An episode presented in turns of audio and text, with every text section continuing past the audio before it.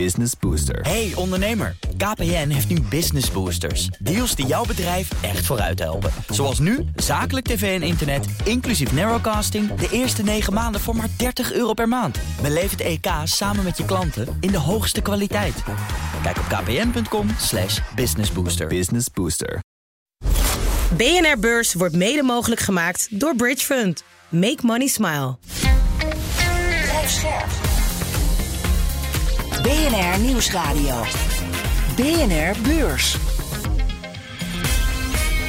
Wesley Weerts, Jelle Maasbach. Het einde van de week. Je luistert naar de speciale vrijdaguitzending. De extra lange editie waarin we dus ook weer eh, ja, een luistervraag gaan beantwoorden. Goed dat je er weer bent. Goed dat jij er weer bent, of had je tegen de luisteraar? Ik had tegen de luisteraar, maar ook fijn dat jij er bent, Jelle. Op de dag dat beleggers heel erg zenuwachtig werden van bankaandelen, die gingen wereldwijd onderuit. Silicon Valley trilt op zijn grondvesten en de bankensector internationaal trilt een beetje mee. Belangrijkste financier van start-ups en durfkapitaalfondsen, de Silicon Valley Bank, is flink in de problemen gekomen door verliezen op obligaties. Genoeg om over te praten en dat gaan we doen met Nico Inberg van de aandeelhouder, onze gast van vandaag. In een paar uur tijd werden banken miljarden minder waard op de beurs. Alleen al JP Morgan, Bank of America, Wells Fargo en Citigroup... die verloren gisteren ruim 50 miljard dollar aan beurswaarde. En daar bleef het niet bij. Let's get straight to the heart of the market action this morning, and that is the European banks. We're seeing a steep sell-off across all of the European lenders. Ja, ook in ons land verloren banken in korte tijd honderden miljoenen aan beurswaarde. Aanleiding is een bankencrisis in Californië. Eerst viel doek voor cryptobank Silvergate, waar we het eh, gisteren over hadden. Ja. En nu is de Silicon Valley Bank in de problemen. Nou, en klanten die trekken daar massaal hun geld terug... nadat de bank eh, grote verliezen heeft geleden. Nico, hoe is die bank dan eh, in de problemen gekomen? Nou, dat heeft alles te maken met de hogere rente. Heel veel banken hebben eh, ehm, heel veel geld geïnvesteerd in, in obligaties, staatsobligaties. Ehm, omdat die rente omhoog gaat, gaan de staatsobligaties omlaag. Hè. Dat betekent dat eh, die banken eigenlijk, en dat geldt niet alleen voor de banken, dat geldt eigenlijk ook voor de centrale banken, want die hebben ook heel veel staatsobligaties gekocht. Die zijn nu heel veel minder waard, dus dat betekent eh, afboeken. En als je dat eh, afboekt, ja, dan maak je heel veel verlies. Ja, en dat En gebeurt hier Deze dus ook. bank, die Silicon Valley Bank, die kwam, daar werd dat bekend kennelijk. En daar gingen, gingen mensen. Dat is altijd het linken met een bank. Als een bank zegt dat ze in moeilijkheden zitten, haalt iedereen zijn geld weg en dan zijn ze failliet. Ja, en vooral als je dan ook nog een topman hebt die zegt niet in paniek raken. Ja, wat gebeurt er dan? Dan raakt iedereen dat, juist is in paniek. dat is de standaard reactie van, van iemand, eh, directeur. Van de, en hij kan ook niet anders. Hij kan ook niet zeggen van ja, het is eigenlijk eh, heel slecht nu, maar we moeten geld ophalen. Dus, dus het is- ze, ze, ze proberen altijd ja, de rust te bewaren. Dat is net als in het voetbal. Hè, als ze zeggen van we staan vierkant achter de trainer. Dan weet je Als dat hij vier keer verloren heeft. Ja. dan weet hij, de volgende week vliegt hij eruit. Ja. Nou zijn dit twee verschillende soorten banken. Eén die gisteren ook bekend maakte, Silvergate. We Ja. sluiten de deuren. Nu dus een nieuwe bank die in de problemen zit. Maar is er een verband tussen die twee? Eh, ja, niet zo 1, 2, 3. Maar je ziet wel, kijk, de, de eh, cryptowereld is een heel andere wereld dan, dan de, de wereld met obligaties en alles. Maar de- je Ja. weet dat het daar, hè, daar, daar speelt van alles. Er zijn partijen die zijn failliet gegaan. Niemand weet precies waar alles zit. Eh, de bitcoin is ook een onderpand. Wat denk je van, ja, wat moet je er eigenlijk mee? Wat is het nou precies waard? Misschien is het wel helemaal niks waard, zoals eh, eh, Warren Buffett zegt. En, en ja, wat, dus dat is heel moeilijk om daar, om daar een goed oordeel over te geven. Ik zou daar gewoon heel erg eh, heel ver van weg blijven. Ehm, maar deze bank die had ehm, heel veel belegd in staatsobligaties. Ja. Alleen, eh, de, de, nou, dat doen eigenlijk alle banken wel. Die hebben geld wat ze, ehm, ze binnenkrijgen van, van particulieren of van, van mensen die geld over hebben. Dat moeten ze in principe uitlenen aan andere partijen. Nou, dat doen ze onder andere door staatsobligaties te kopen. Lekker veilig zou je zeggen. Alleen door die enorme renteverhogingen. En eh, vergis je niet, die rente is in Amerika van, van iets boven de nul naar nu gaat die richting 5%. Dat, eh, dat is ja, procentueel gezien. Dat is een enorme stijging. Betekent dat die staatsobligaties, die zijn helemaal, die zijn enorm gedaald. Eh, dus die banken leiden daar enorme verlies op. En dat moeten ze kunnen uitzitten. Nou, als je nou niet heel veel erin hebt zitten, dan valt het wel mee. Die hele grote banken valt dat wel mee, denk ik. Ik denk ook dat bijvoorbeeld ING en ABN, daar hoef je niet zoveel zorgen over te maken. Die hebben daar ja, beperkt geld in zitten. Ehm, alleen deze bank had heel veel geïnvesteerd in die staatsobligaties, in die Amerikaanse. En die hadden ze dan ja, gemiddeld op, eh, wat, ik heb ge- gelezen, dat is 1,6, 1,7 procent eh, yield. En nu ligt dat rond de 5 procent. Dus die moeten daar nu 1,8 miljard op afboeken. Je zegt terecht, voor die grote banken valt het dan denk ik wel mee. Maar je zag dat alle banken wereldwijd flink naar beneden eh, Ja. gingen. Zijn ze dan bang voor, voor de vrees voor besmetting? Of wat zou dat dan zijn? Eh, is ten eerste is dat een schrikreactie. Hè? En, eh, het is ook wel zo dat alle banken zijn natuurlijk aan elkaar gekoppeld. Dat hebben we ook wel gezien in de in de financiële crisis. Dus ze lenen elkaar heel veel geld. Mhm. Ze lenen elkaar overnight geld. Dus dat, dat, dat idee is wel een beetje. Het is ook de schrikreactie van de beurs. Ik moet zeggen, de beurs is op dit moment erg zenuwachtig. Ook, je ziet ook met nu wat er nu gebeurt met die rentes. Ze denken nu dat de Fed komende eh, vergadering met een halfje gaat verhogen. Dat zit ineens in de markt. Dus de, de boog staat ook wel een beetje strak gespannen. En dan kun je dit er net niet bij hebben. Dus en, en wat, wat ook. eh, wat ook een factor is, is dat de onbekendheid van het probleem. Je weet niet wat er aan de hand is. Zo'n bank zegt niks. En ze, ze, ze kwamen wel met een, een eh, aandeeluitgifte die ze moesten doen. Nou ja, dan weet je al hoeveel geld er nodig is. En vaak is dat het begin van, van de, ja, de lawine. Dus eh, dat alles bij elkaar zorgt ervoor dat de belegger heel erg schrikt. En dat dan alle banken maar meegaan. Want ik, ja, eh, heb jij zin om ABN te kopen terwijl dit nu speelt? Je wil eerst weten of ABN hierdoor ook geraakt wordt. En jij kan zelf wel ongeveer ja, beredeneren dat ABN wat puur een Nederlandse bank is, dat die niks doet in Silicon Valley. Maar ja, bank is een bank. En we hebben eerder van jou in BNR Beurs en daarvoor in de AX-factor geleerd... dat is niks zo lastig als de balans van een, een, een bank lezen. Het is heel moeilijk. Hm. Nee, maar toch, je zegt het is een schrikreactie. En je had het ook over een, een sneeuwbaleffect. Maar denk je ook echt dat als het bij de ene bank... zoals in dit geval die bank uit eh, Amerika... als het daar slecht gaat, dat dat kan overslaan op die andere banken? Eh, zou kunnen, omdat dit wel. Kijk, wat, wat, wat je nu wel ziet, is dat we hebben het heel veel over die renteverhogingen. En eh, eh, renteverhogingen die, die zijn nodig om de vraagkant van de economie te slopen. Hè, om te zorgen dat de consument een beetje indampt. Ehm, maar ja, dit zijn neveneffecten die, waar eigenlijk heel weinig eh, aandacht aan besteed wordt. En heel veel mensen die obligaties hebben gekocht met het oog van, nou, die zijn tenminste veilig, want het zijn staatsobligaties. Ja, die hebben nu wel, de, die obligaties zijn inderdaad veilig. Je krijgt je geld wel terug. Alleen je krijgt niet het geld terug wat je ervoor betaald hebt. Amerika bepaalde de beurshandel deze week. ASML krijgt een exportban. Biden kaapt Europese bedrijven weg. En Powell die praat de beurzen omlaag. Hoe je moet omgaan met die Amerikaanse bemoeienis, dat bespreken we zo meteen. Eerste verhalen die afgelopen week bij ons hoorden en hoe het daarmee afliep. Nou, dan kunnen we natuurlijk niet om Credit Suisse heen. Zeker nu niet. De aandelenkoers bereikte vandaag zijn laagste punt ooit. Net als alle andere banken wordt de Zwitserse grootmacht op de beurs geraakt door die onzekerheid rondom de Amerikaanse Silicon Valley Bank. Mm, maar ja, bij deze bank is er nog veel meer aan de hand. De groot aandeelhouder die stapte na 20 jaar op. En ze kregen deze week ook een belletje van de SEC, de Amerikaanse beurswaakhond. Het gevolg daarvan was eh, ja, dat dat jaarverslag werd uitgesteld. Nico, wanneer komt er een einde aan eh, die eh, slecht nieuws show? Ja, ik denk, het niet, denk niet dat er een einde aan komt. Kijk, hier kunnen zij natuurlijk weinig aan doen dat er in Amerika weer nu een bankencrisis is. Maar eh, ja, wat mensen dan gaan doen, die gaan kijken naar alle banken. En dan is dit de zwakste van allemaal. Ja. Dus hier gaan mensen, die lopen al mensen als hardste weg. Ik, denk, ja, ik ben, ben er klaar mee. Je ziet ook dat andere banken goedkoper worden, de betere banken. Dus dan ga je snel omruilen. Maar dit is natuurlijk wel een heel specifiek geval. En het is wel bijzonder dat de SEC nu al voordat het jaarverslag uitkomt, dat ze, eh, ik denk dat, dat, dat die bank zelf eh, misschien huiverig is om het jaarverslag uit te brengen, omdat de accountant misschien niet wil eh, tekenen voor bepaalde dingen. Het gaat ook wel om een, ik geloof, een substantieel bedrag. Hè? 13 miljard, dat is het over. Ja.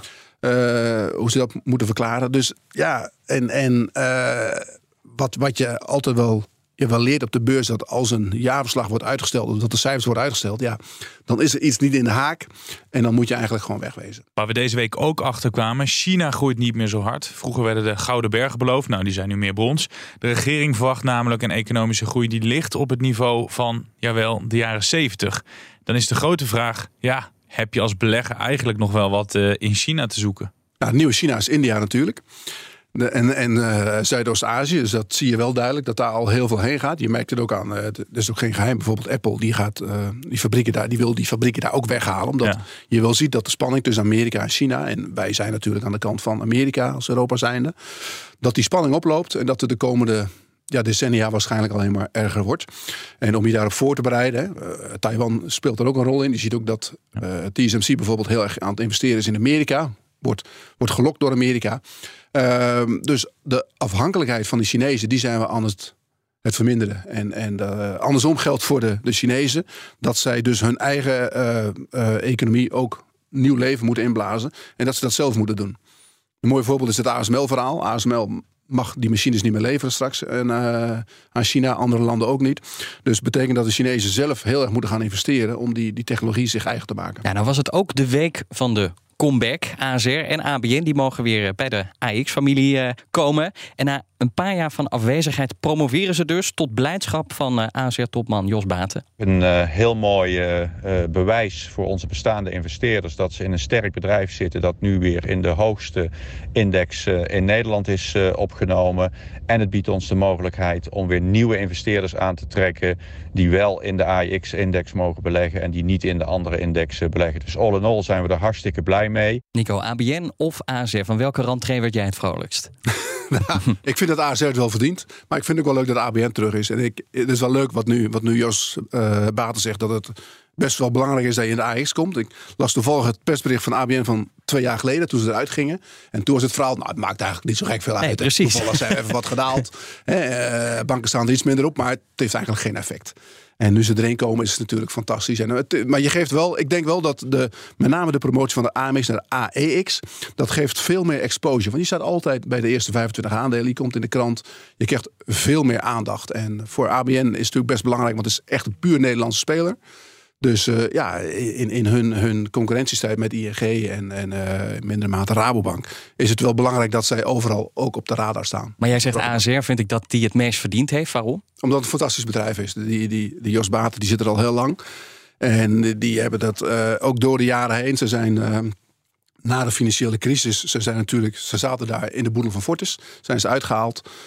Um, uiteindelijk weer op de beurs gekomen in Nederland. Ik dacht in 2000, 2017, toen rond, uh, rond 19 euro. Nou, nu staat het 44 zo'n beetje. En uh, altijd heel, heel goed dividend betaald. Stijgend dividend, begon met 90 cent, nu 2,70 euro. Dus fantastisch gedaan. Eerst was het wel zo dat die AX een maatje te groot was geworden voor die, voor die bedrijven. Is het nou zo dat zij zoveel beter zijn geworden, ASR en ABN? Of zijn de bedrijven die er nu uitgaan gewoon zoveel slechter geworden? Ja, nee, de, de laatste met name. Ze hebben ook een beetje geluk dat Unibail eruit gaat. Uh, ze hebben geluk dat takeaway dat het hard gedaald is. Dus het gaat, ze, zitten een beetje in die staartgroep. Je hebt de 25 uh, ja, meest waardevolle Nederlandse aandelen. Uh, de eerste 23 zitten erin. En de, de nummer 23 tot en met 27 daarvan wordt bepaald. Hè. Ze kijken natuurlijk naar de waarde in free float. En ja, die wisselen dan stuivertje. En ja, je bent de ene keer net wel bij, de andere keer net niet. En dat heeft heel erg te maken met, met de beurswaarderingen van dat moment. Je toevallig net in een goede, als je even bent opgekocht, ja, dan zit je er opeens bij. En als je net even een slechte week hebt, eh, in de week van meting, ja, dan, dan, kan je er net uitvallen. Je noemde net Unibail Rodamco Westfield al. Het beursbedrijf gaat van de Amsterdamse beurs af. En jij, je hebt iets leuks daarover. Ja, we hebben een vraag over dat aandeel. Uh, hebben we binnengekregen van Eduard. Die vraagt zich af, Nico, hoe kan Eduard het... weer? Ja. Ken die? nee. Oh. ik denk misschien is het iemand die juist stalkt. Want dan zouden we de vraag natuurlijk nee, nee, nee, niet voorlezen. Nee, Eduard mag Laten we dat even duidelijk, duidelijk brengen.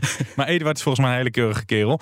Uh, die vraagt zich het volgende af. Hoe kan het dat de beurswaarde van Unibail zoveel lager ligt dan de waarde van het vastgoed? Ja, dat is wel een goede vraag. Dat, dat zie je bij heel veel, heel veel vastgoedbedrijven. Uh, de, de, de, um, de, de boekhoudkundige waarde van Unibail, zeg maar. Je ziet dat ook bij bijvoorbeeld een wereldhaven, in mindere mate, maar ook bij, bij alle vastgoedbedrijven. Die baseren de waarde van hun, hun objecten die ze hebben uh, op basis van de, ja, die hebben daar een bepaalde waarderingsmethodiek voor. En beleggers denken dat het minder waard is. Want er zit nu, bij met name Unibail, zit een, een uh, ja, heel groot verschil tussen de, de, de, wat, wat, wat zij noemen de NAV, de Net Asset Value, en, en de beurskoers. En ik ben altijd geneigd te denken dat de beurskoers is de, de reële waarde. Want dat is waarop de beleggers de, de, de objecten heen en weer willen spelen. Ja. Maar die bedrijven zelf zeggen van ja, dat heeft toch een. Uh, de laatst gedane transactie in die markt is, uh, ligt op dit niveau. En ze hebben natuurlijk in de coronatijd niks kunnen, kunnen verkopen. Want daar die winkelcentra die stonden leeg. Dus er was niks mee te beginnen. Um, en, en, uh, dus dat is heel moeilijk om daar een exacte waarde aan te hangen. En uh, nou, dat, dat houden ze dus een beetje vol. Maar je ziet dat, um, dat over tijd, je kan dat bij Wereldhaven heel mooi zien. Die had ook een enorm groot gat. Ja, over tijd dat die beurskoers en die NAV dat die naar elkaar toe gaan. En dat, heeft, dat komt meestal doordat bedrijf uh, jaar na jaar gaat afboeken op hun intrinsieke waarde. Maar kort samengevat, normaal gesproken, dan is het bedrijf zelf of directie iets optimistischer dan de belegger ja, over ja, de, nou, over die, die, die, houden zich ook vast aan bijvoorbeeld laatst gedane transacties. Uh, in, in een, uh, ja, van een object. Terwijl de beurskoers ervan uitgaat van, nou ja, als je het nu zou moeten verkopen, hè, dan maak je gewoon 10, 20, 30 procent minder. Ja. En zo'n bedrijf gaat al, wat Unibouw bijvoorbeeld gedaan heeft, die, die, die hadden te veel schuld, moesten objecten verkopen. Nou, wat verkochten ze dan? Dat ze in Parijs een hele mooie toren, een kantoortoren, die verkochten voor de hoofdprijs aan de Koreaan. En zeiden, nou zie je wel, het is precies eh, eh, boven de intrinsieke waarde. Ja, dat is mooi. Maar als je bijvoorbeeld een winkelcentrum hier in eh ja, Lutjebroek moet verkopen, hè, wat al wat half, leeg staat, dat hebben zij dan niet, maar bij wijze van spreken, Ja. ja, dan ben je de pisang. En dan krijg je niet eens de helft van het geld wat het op papier waard is. Nou, dankjewel. Eh, en ook eh, Eduard, dankjewel dat jij je vragen hebt ingestuurd. En hij mag vaker mailen, toch? Altijd. Ja, ik vraag me wel af of je dat nog gaat doen na deze aankondiging van jullie. Maar Eduard goed, is altijd van harte welkom. eh, dat geldt ook voor anderen. Die kunnen vragen natuurlijk ook sturen naar bnrbeurs.bnr.nl. En je krijgt dus dat boekje van Corné van Zel. Eduard, jij krijgt die dan ook toegestuurd. Nu ga ik ook een vraag stellen. BNR Beurs. Het was vooral de week van de Amerikanen. Biden strooide met miljarden en kaapte nog meer Europese bedrijven weg. ASML besloot onder druk van de Verenigde Staten nog minder machines te leveren aan China.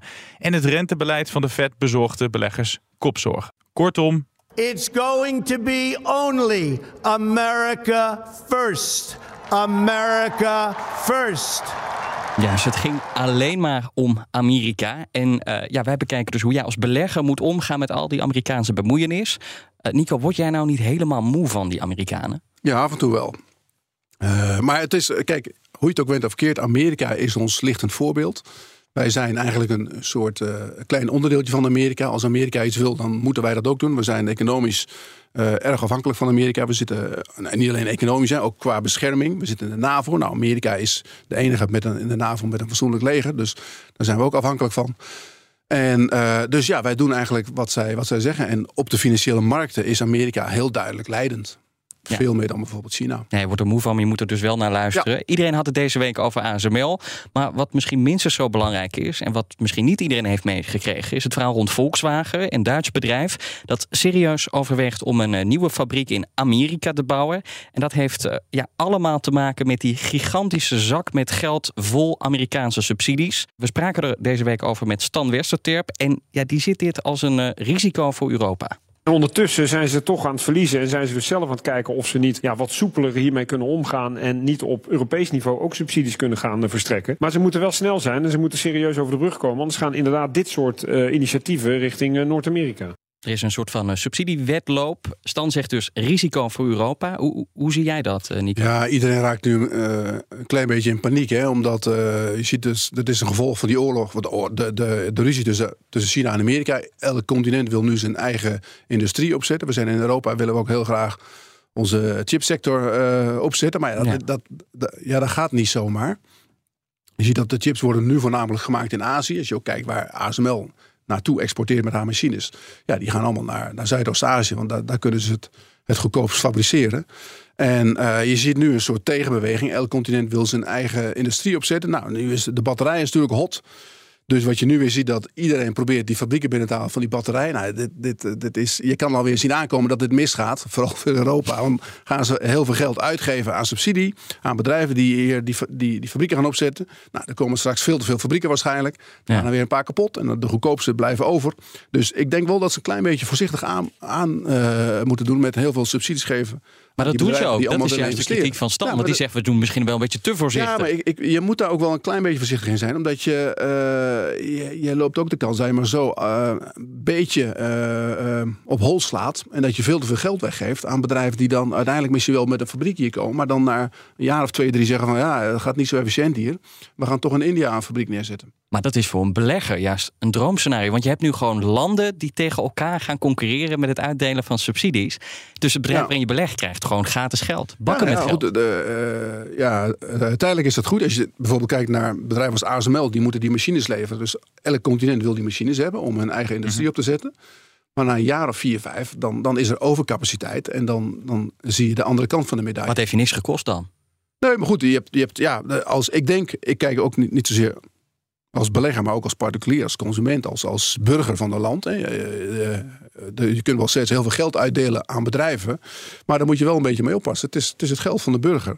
En eh daar kan je niet eh, eh, altijd maar weggeven aan om allerlei bedrijven binnen je landsgrenzen te krijgen. Ja, Nico, aan de ene kant kapen ze bedrijven weg. Aan de andere kant, je zei het zelf al, ASML, dat krijgt een exportban.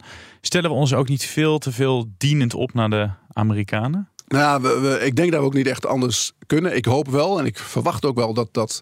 Kijk, eh, heel vaak worden dit soort dingen wel uitonderhandeld. Dus als Amerika zegt van, eh, joh, we willen dat je ASML, die, die, die mag je geen exportvergunning meer geven.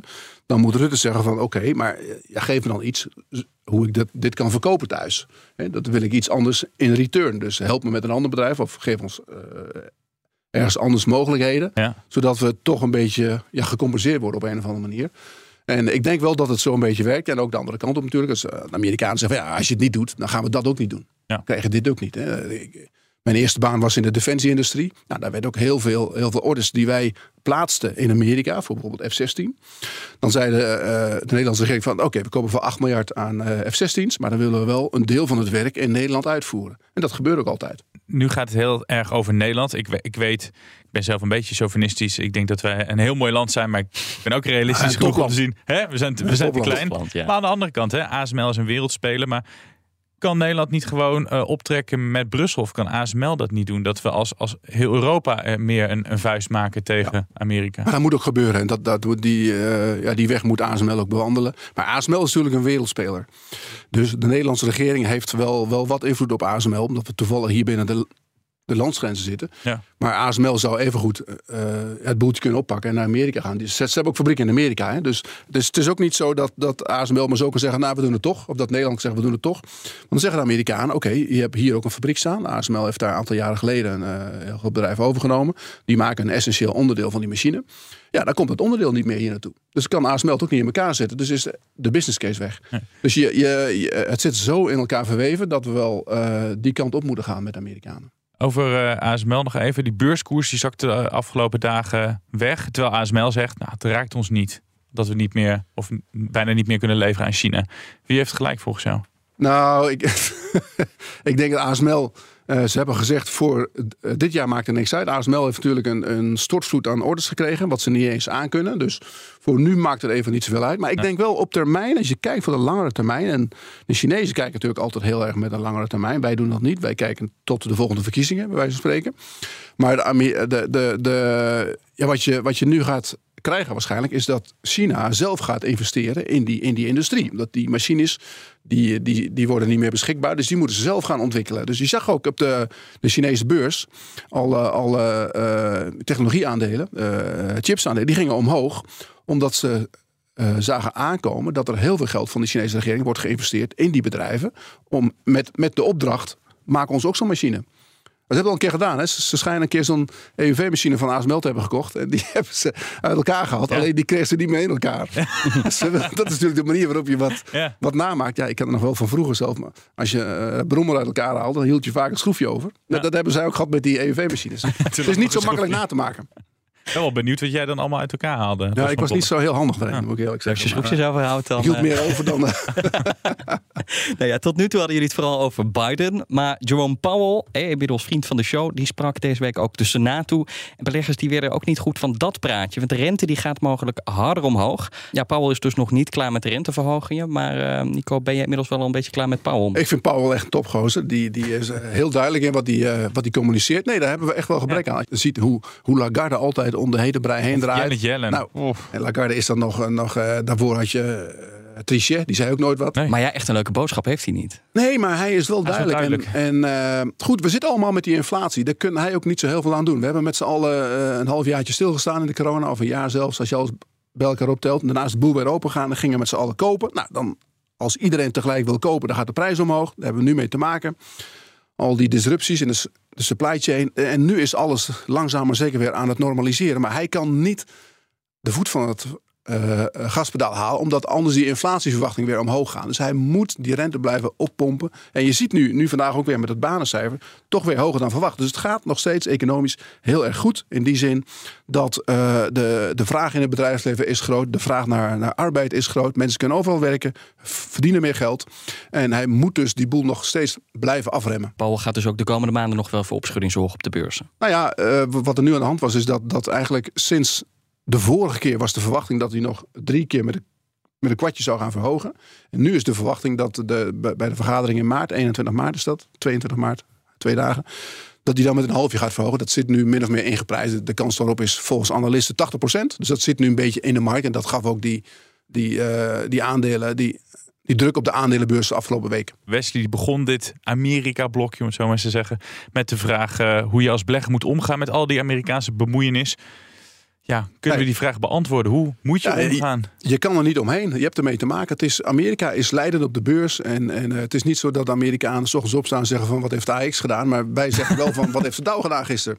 En eh, zo zit de wereld in elkaar. Daar kunnen we verder weinig aan doen. En eh, daar hebben we mee te dealen.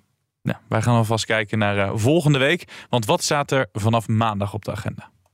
Het wordt de week van de Europese Centrale Bank. Op donderdag maakt president Christine Lagarde bekend hoe hard er aan de renteknop wordt gedraaid. De ECB verhoogt de rente naar verwachting weer met 50 basispunten. Om de inflatie te temmen moet de rente volgens president Klaas Knot van de Nederlandse Bank niet alleen in maart, maar ook nog vaker omhoog. Ondertussen ruzien enkele ECB-bestuurders openlijk over het rentebeleid. Er is ook bedrijvennieuws. Volkswagen houdt zijn jaarlijkse persconferentie. Verschillende media die verwachten dat deze week ook een nieuw model wordt aangekondigd. 2023 belooft sowieso een beter jaar te worden voor de automaker. Afgelopen jaar had Volkswagen nog veel last van materiaaltekorten. Maar die problemen die worden dit jaar grotendeels opgelost, waardoor de omzet naar verwachting gaat stijgen. Ja, zo'n vooruitblik met vooral Europese dingen, dat is dan wel lekker na een uitzending die vooral over Amerika Ja. Altijd wat te doen hier. Het slechte nieuws is wel dat dit het einde was. Dankjewel, Nico Inberg van de aandeelhouder. Eh, ja, we hebben trouwens wel nog een tip. Eh, Een wijsheid uit het eh, boekje van Corné van Zel. En deze keer een over iets dat je vooral niet moet doen. Never invest in any idea you cannot illustrate with a crayon. Tot maandag. Tot volgende week. BNR Beurs wordt mede mogelijk gemaakt door Bridge Fund. Make money smile. Business Booster. Hey ondernemer, KPN heeft nu Business Boosters. Deals die jouw bedrijf echt vooruit helpen. Zoals nu, zakelijk tv en internet, inclusief narrowcasting... de eerste 9 maanden voor maar 30 euro per maand. Beleef het EK samen met je klanten in de hoogste kwaliteit. Kijk op kpn.com slash businessbooster. Business Booster.